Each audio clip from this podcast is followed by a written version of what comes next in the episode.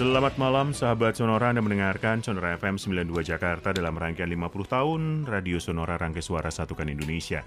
Hari Jumat jam 7 malam, saatnya Feng Shui bersama dengan Bapak Kang Hongkian. Kita akan ngobrol-ngobrol sampai dengan jam 8 malam nanti.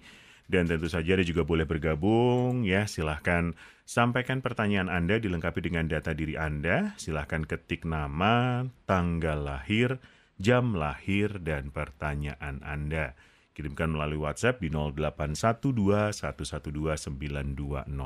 Saya sudah terhubung bersama dengan Bapak Kang Hongkian. Selamat malam. Selamat malam juga Gandanil. Selamat malam Bapak Kang Hongkian. Sehat-sehat Pak Kang? Oh selalu.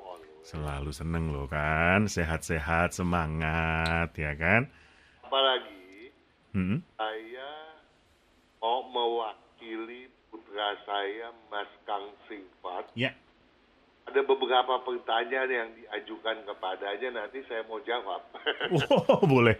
Boleh ditanyain sama anaknya yang jawab bapaknya ya ini. Begitulah. Kita mulai saja. Boleh, boleh. Mari silakan.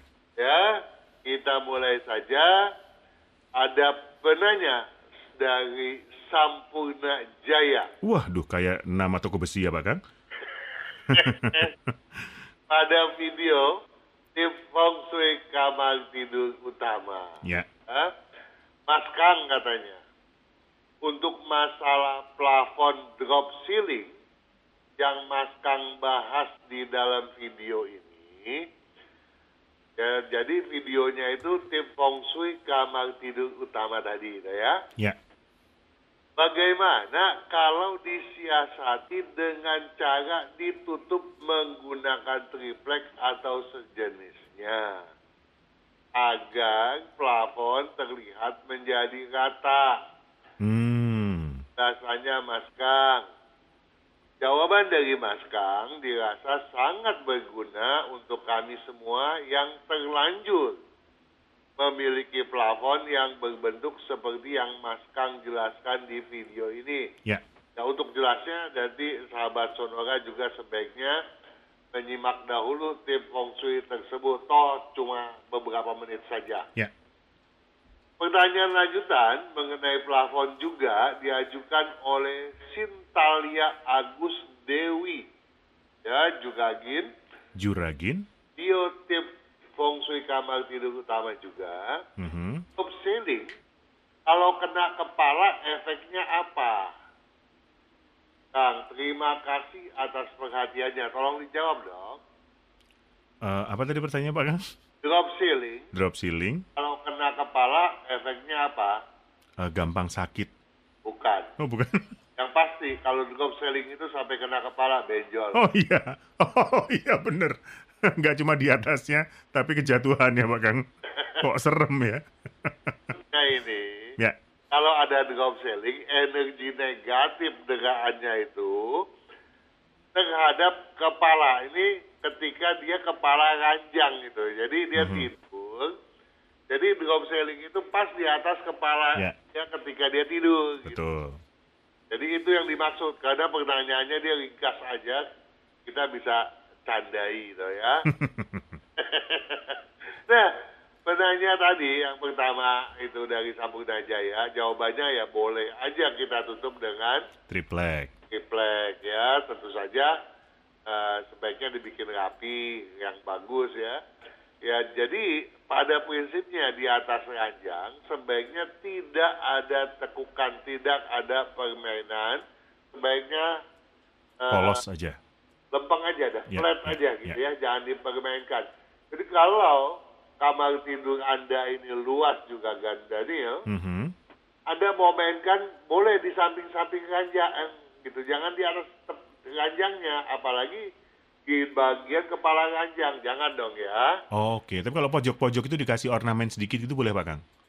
Boleh dong, Oke. asal jangan kena bagian daripada ranjang gitu ya. Hmm.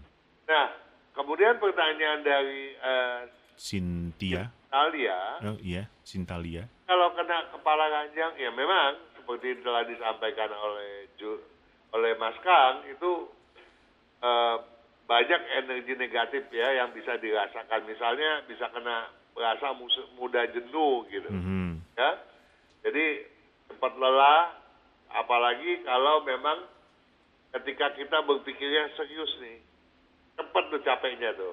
Oh, oke. Tidur juga nggak berkualitas juga kan. Ya, ya, ya. Ya, eh, ketika bangun rasanya kok capek lagi gitu. Hmm. Nggak ada kualitas tidur, ya. Hmm.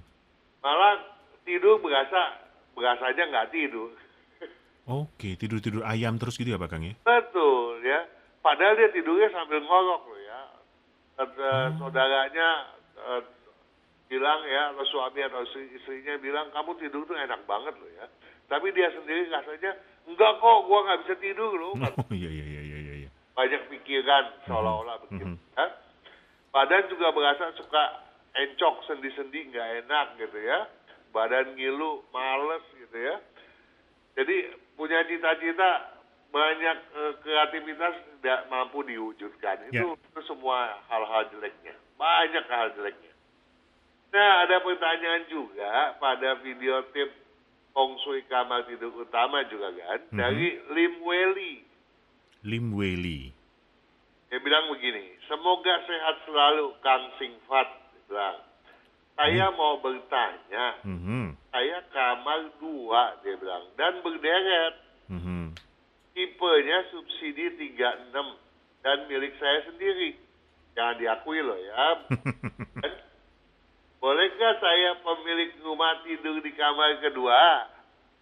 Dan saya masih lajang dan tinggal sendiri. Ya.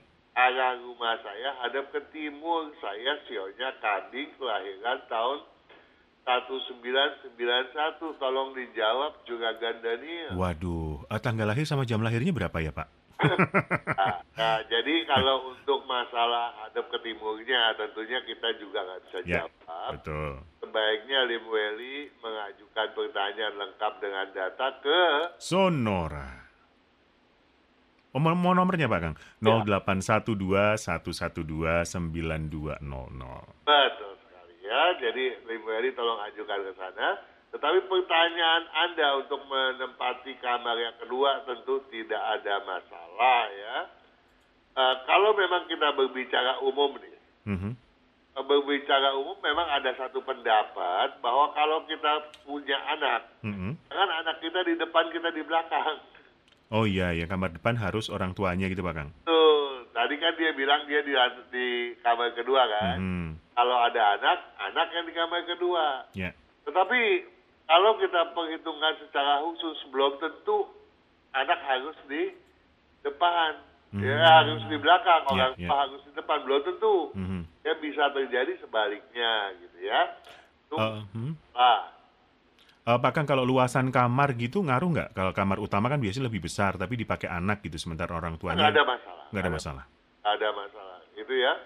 Eh, karena yang dibilang kamar utama itu biasanya kan untuk orang tua. Betul. Tetapi yang misalnya gini, kita beli rumah udah jadi nih, Mhm. kamar tidur utamanya ternyata nggak cocok buat si kepala keluarga. Cocoknya di yang kamar kecil.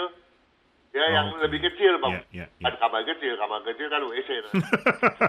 orang tuanya tidur di WC. Oh kasihan ya. Ya, maksudnya kamar yang kecil gitu. Ya, toh. ya. Nah, nggak ada masalah. Jadi ya, Mhm. lebih cocoknya di misalnya di kamar tidur utama yang besar itu. Mhm. Nah, nggak ada masalah. Ya, Oke. paham Terima- toh? Hmm?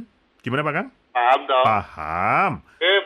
Paham. Kalau kurang paham, sahabat Sonora, silahkan saksikan di YouTube Kang Hongkian, YouTube Sonora. Ada banyak video yang sudah diupload, akan membantu Anda. Pak Kang, terima kasih. Ya, tapi bisa ditanya lagi pada minggu depan kalau kurang jelas. Pastinya. Kita ketemu lagi minggu depan. Selamat malam. Selamat malam.